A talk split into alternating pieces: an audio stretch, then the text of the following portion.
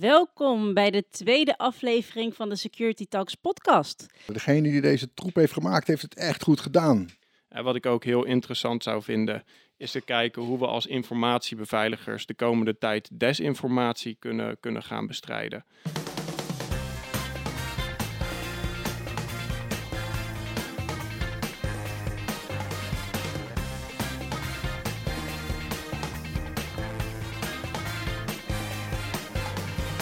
Welkom bij de tweede aflevering van de Security Talks podcast. De Nederlandse podcast over cybersecurity, waarin we iedere twee weken met security experts ingaan op wat hen bezighoudt.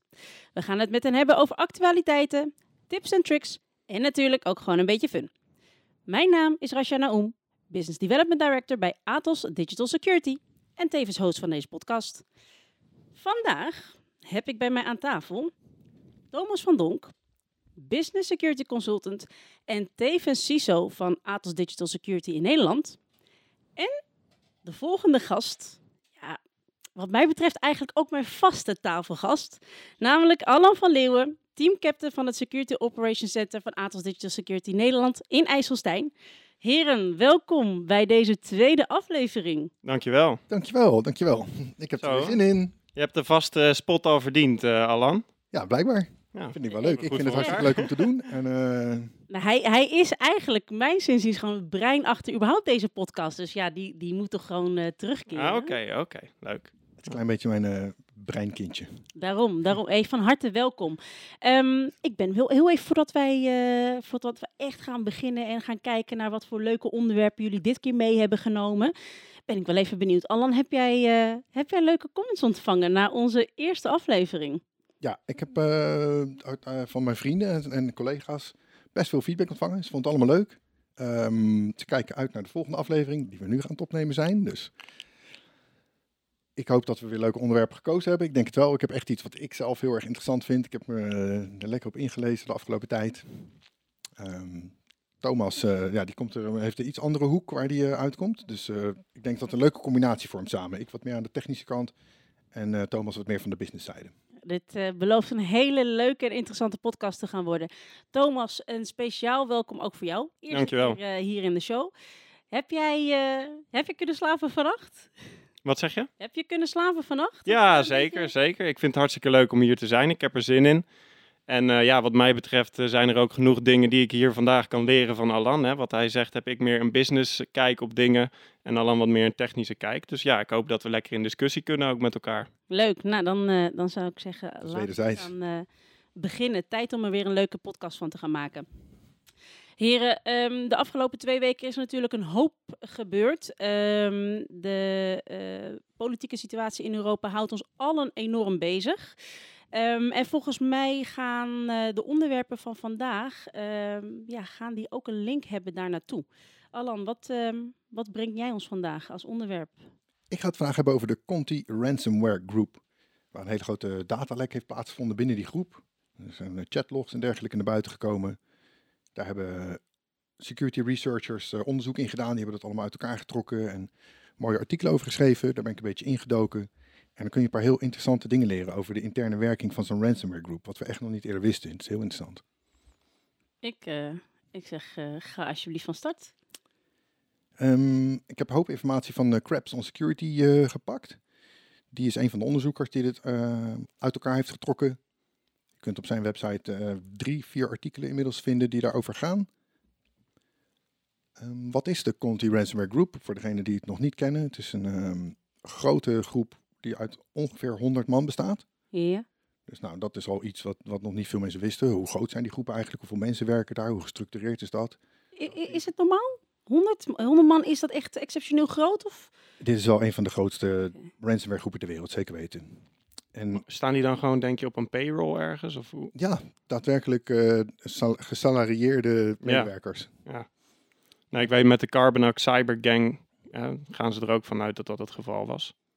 Ja, het is heel mooi eh, eh, professioneel gestructureerd. Mooi is misschien niet de juiste term. Eh, wat is er precies gebeurd? Ehm, aan, aan het begin van de, het conflict, wat nu plaatsvindt, is er een announcement gekomen vanuit Conti dat iedereen die zich zou mengen met aanvallen op Rusland, die zouden worden teruggepakt door Conti. Dus maak je bord maar nat, want als je die mensen achter je aan hebt, is het natuurlijk geen pretje. Ze hebben, Ja. nemen uh, roekzichtloos, gaan ze te werk, pakken ziekenhuizen, alles wat er maar te pakken is. Kritiek of niet kritiek? Het maakt ze niks uit. Het liefst nog kritiek, want dan weten ze zeker dat ze geld krijgen. Ja. Ze zijn echt uh, gewetenloos. Dus die hadden dat uh, aangekondigd. En kort daarna begonnen allemaal informatie uit de Conti Group naar buiten te lekken.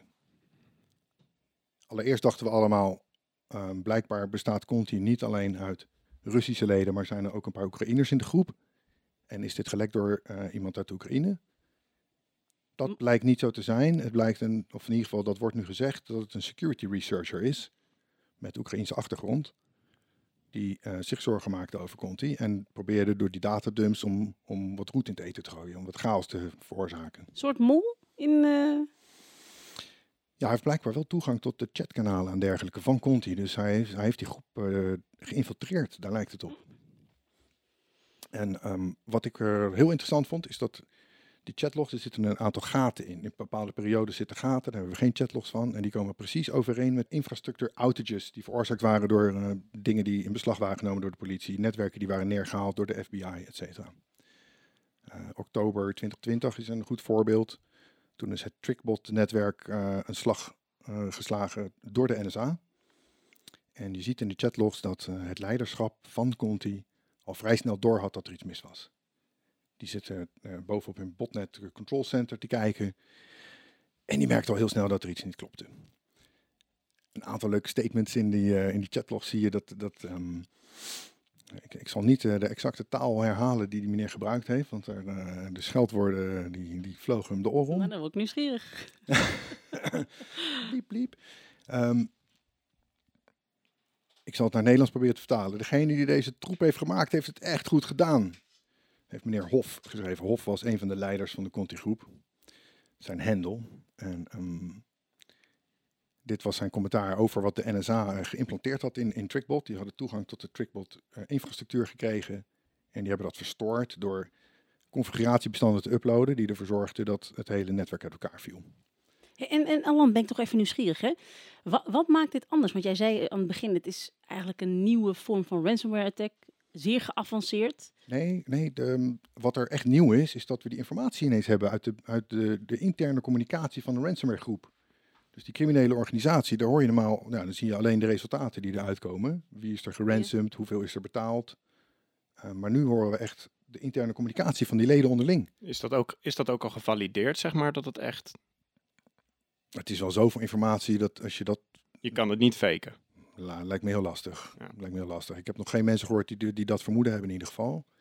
Ik zelf ook niet. Het ziet er heel, uh, heel realistisch uit allemaal. Nou, dat is in ieder geval ook een punt wat ik aan wilde halen, is desinformatie. Ja, wat we nu in Oekraïne zien gebeuren, zie je ook zeker veel desinformatie. Dat op een gegeven moment is het heel lastig met eigenlijk de overvloed aan informatie om nog te bepalen wat is nou waarheid en wat is niet waarheid. Ja, zeker. Trek alles in twijfel. Ja. Um, dat wordt hier ook gedaan. Ik heb, ik, heb, ik heb dit uit meerdere bronnen proberen te verifiëren natuurlijk. Dat doe ik altijd. Um, maar de meeste informatie, zoals ik zei, heb ik bij Crabstone Security vandaan gehaald. Wat ik toch wel een heel erg betrouwbare bron vind. Ja.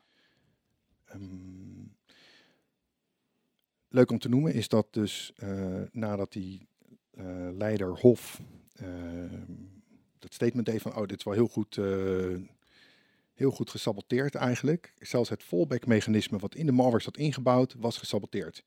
Normaal gesproken zou um, ja, een groot deel van de infrastructuur werkt via domeinnamen. En er was een fallback-mechanisme. Er zou een pre-computed domainname zijn die niet in de normale DNS-infrastructuur uh, te vinden was, maar in Emmer DNS. Dat komt van een cryptocoin, Emmercoin. Uh, waar ook een DNS-infrastructuur achter zit. Je kunt in die blockchain kun je DNS-namen zetten. Nou, je kunt je voorstellen, als je dat wil neerhalen, dan moet je de hele Emmercoin, cryptocoin uh, neer zien te halen. Dus het was een heel goed fallback-mechanisme. Echter had de saboteur die had een configuratiefile geüpload waar het versienummer op het maximale nummer was gezet. En de enige manier om nog een keer die bot te updaten, is om een configuratiebestand neer te zetten met nog een hoger versienummer. Maar dat kon niet. Sorry, this is bleeped up. I don't know how to get them back. Oh, wow. nice statement. hey, en als we, als we gaan kijken, wat, valt hier nou van te leren? Voor jou, voor mij, voor, voor organisaties. Kunnen we, zit hier nog een, uh, een eh, interessante takeaway eigenlijk uit als je deze informatie nu allemaal zo ziet? Ik vind het met name schokkend om te zien hoe goed georganiseerd het is. Iedereen heeft zijn eigen rol. Ehm, er, zitten echt managers, zoals je het managers in een echte organisatie kent. Die echt mensen achter de kont aan zitten. Die mensen tijden geven wanneer ze aan het werk gaan en wanneer ze klaar zijn. En alles zo gestructureerd. Dat is, ja, dat is, dat is pas in de laatste uh, 10, 20 jaar is dat ze ontstaan. En dat is schokkend om te zien eigenlijk.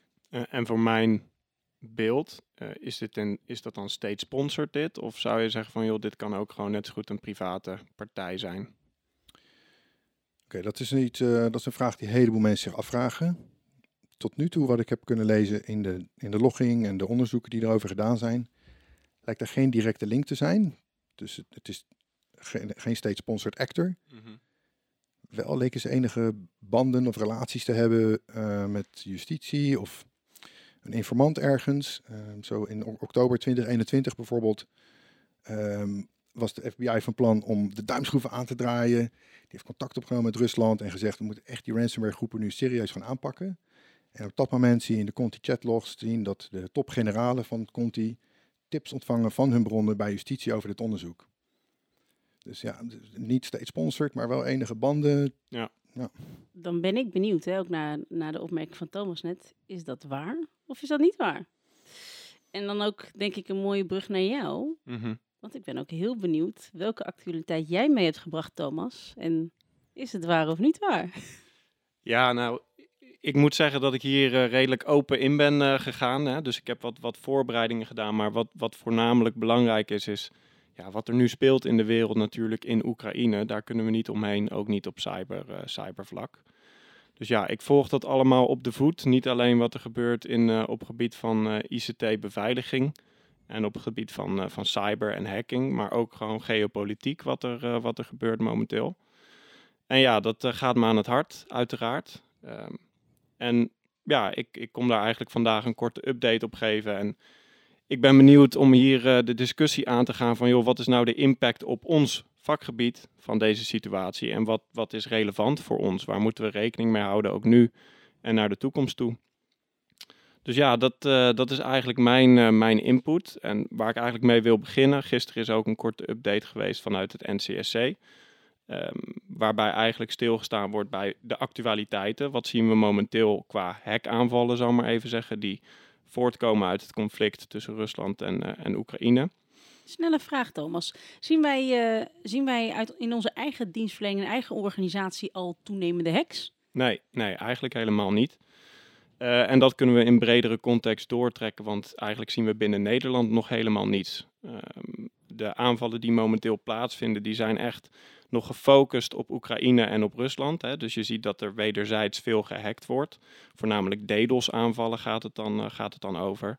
Maar we zien nog geen supply chain attacks en daadwerkelijk gerichte aanvallen op het Westen. Gelukkig maar, zou ik zeggen. Ja, zeker. En laten we ook, hoop, laten we ook hopen dat dat, uh, dat, dat, uh, dat, dat niet gebeurt. Ik geloof dat de spanning wel oploopt uh, omtrent Duitsland. Die schijnen informatie te hebben ontvangen van Amerika. Die intel hebben dat er aanvallen zouden plaatsvinden vanuit Rusland op de kritieke infrastructuur van Duitsland. Nou ja, naarmate dat de sancties toenemen, dus naarmate we zeg maar meer publiek bekendmaken dat we, dat we sanctioneren, maar ook dat we openlijk en publiek Oekraïne steunen, ja, dan is het target wat we als, als westerse landen op ons rug hebben, wordt natuurlijk groter daarmee. Dus ja, dat is wel iets om rekening mee te houden. En, en wat zijn eigenlijk de uitdagingen die we dan voor onszelf zouden moeten inzien op dit moment als, als organisaties, maar ook gewoon in Nederland?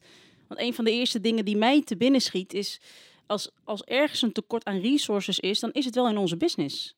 Wat, uh, is, dat, is dat inderdaad een van de dingen die naar voren kom, komt? Of, of zie jij daarin ook andere, andere uitdagingen die, uh, die op ons pad komen?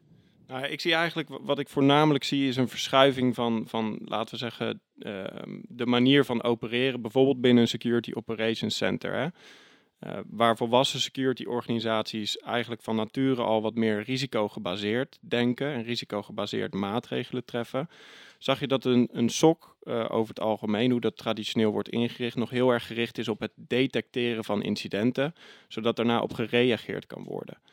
Uh, wat we nu eigenlijk zien ontstaan, wat bijvoorbeeld bij Log4j ook het geval was, maar nu ook weer in de situatie met Oekraïne, is dat we met z'n allen veel meer moeten gaan reageren op dreigingen en daar, daar, daarbij veel proactiever moeten zijn. Dus je ziet als het ware een verschuiving van de intelligence die we nodig hebben om dat te doen en ook de core business van, van bijvoorbeeld een Security Operations Center. En daarvoor heb je ook weer andere kennis nodig, ander type mensen. Dus ja, dat is een verandering die we als het ware nu doorgaan. Uh, dat zien we bij heel veel organisaties en iets wat we snel moeten doorzetten. Want ik denk dat threat management, dat is echt wel een, uh, een belangrijk onderdeel van security, ook naar de toekomst toe. Is het natuurlijk altijd al geweest, maar ja, het, het, het weegt steeds zwaarder naar de toekomst. Denk je dat de huidige situatie die versnelling nog eventjes uh, een extra zetje geeft? Ja, ik merk dat er heel veel behoefte is, uh, niet alleen bij onze klanten in de markt, maar ja, in generieke zin om te duiden wat een bedreiging in de wereld betekent voor jou en jouw ICT-organisatie. Bij Log4j had je een kwetsbaarheid, uh, was heel veel ja, heel veel uh, moeite kostte het, zeg maar, uh, om te duiden waar zit die kwetsbaarheid precies. En hoe groot is de dreiging die op ons afkomt. Hebben we systemen die internet-facing zijn waar die kwetsbaarheid in zit? Kunnen we dat snel achterhalen?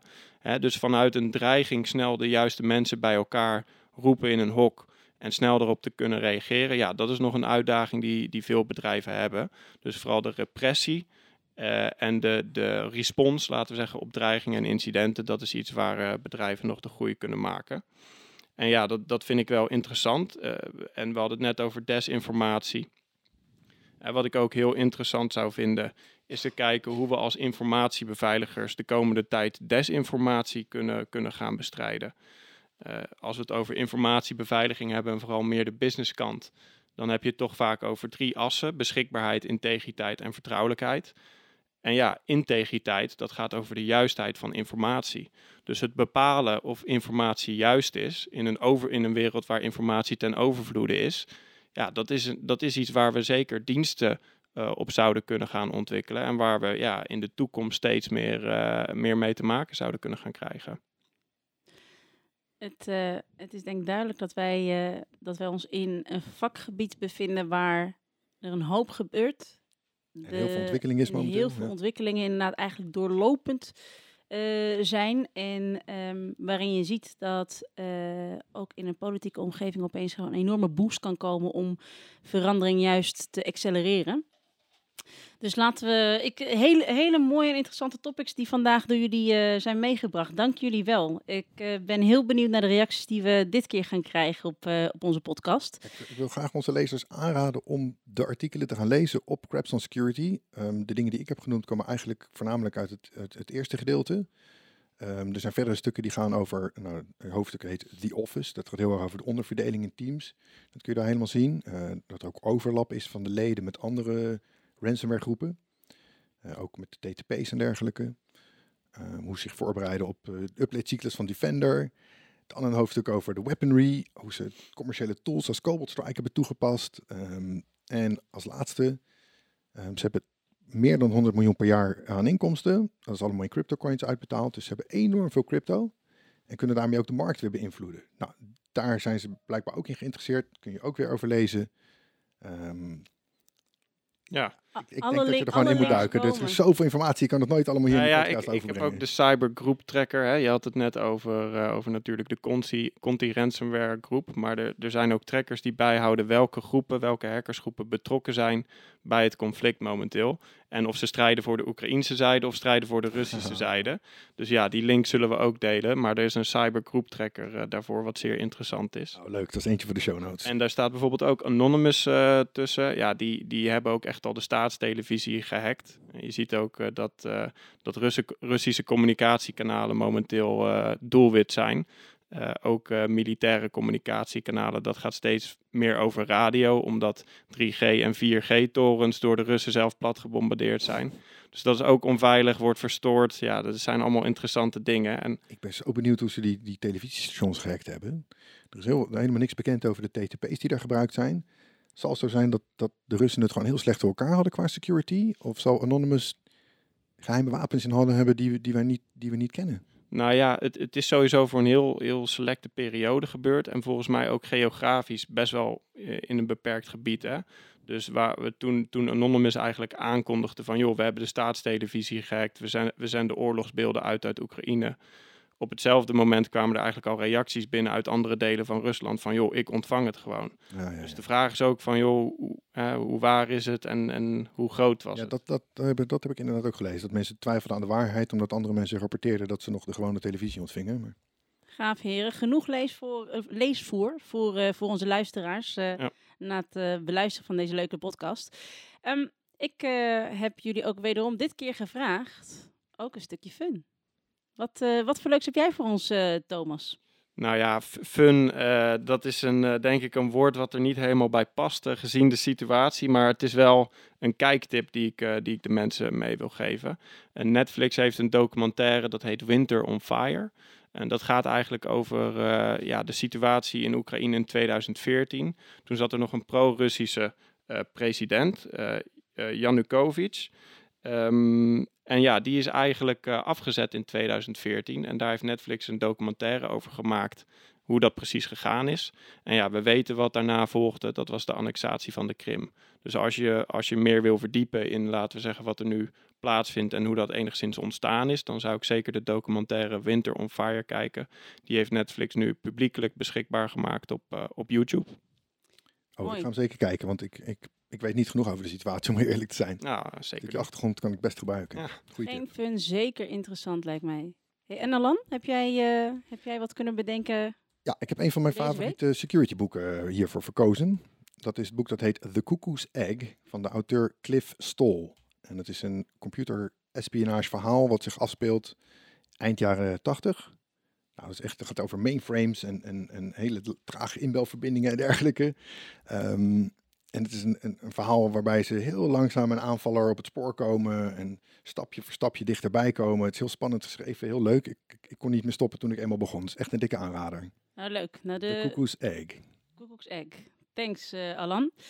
Dan, ehm, dan zijn we alweer aan het einde gekomen van deze tweede aflevering van de Security Talks podcast. Ik ga toch vragen, nog een laatste opmerking of eh, quote, anekdote van, eh, vanuit jullie naar de luisteraars? Ja, dit is veel te kort.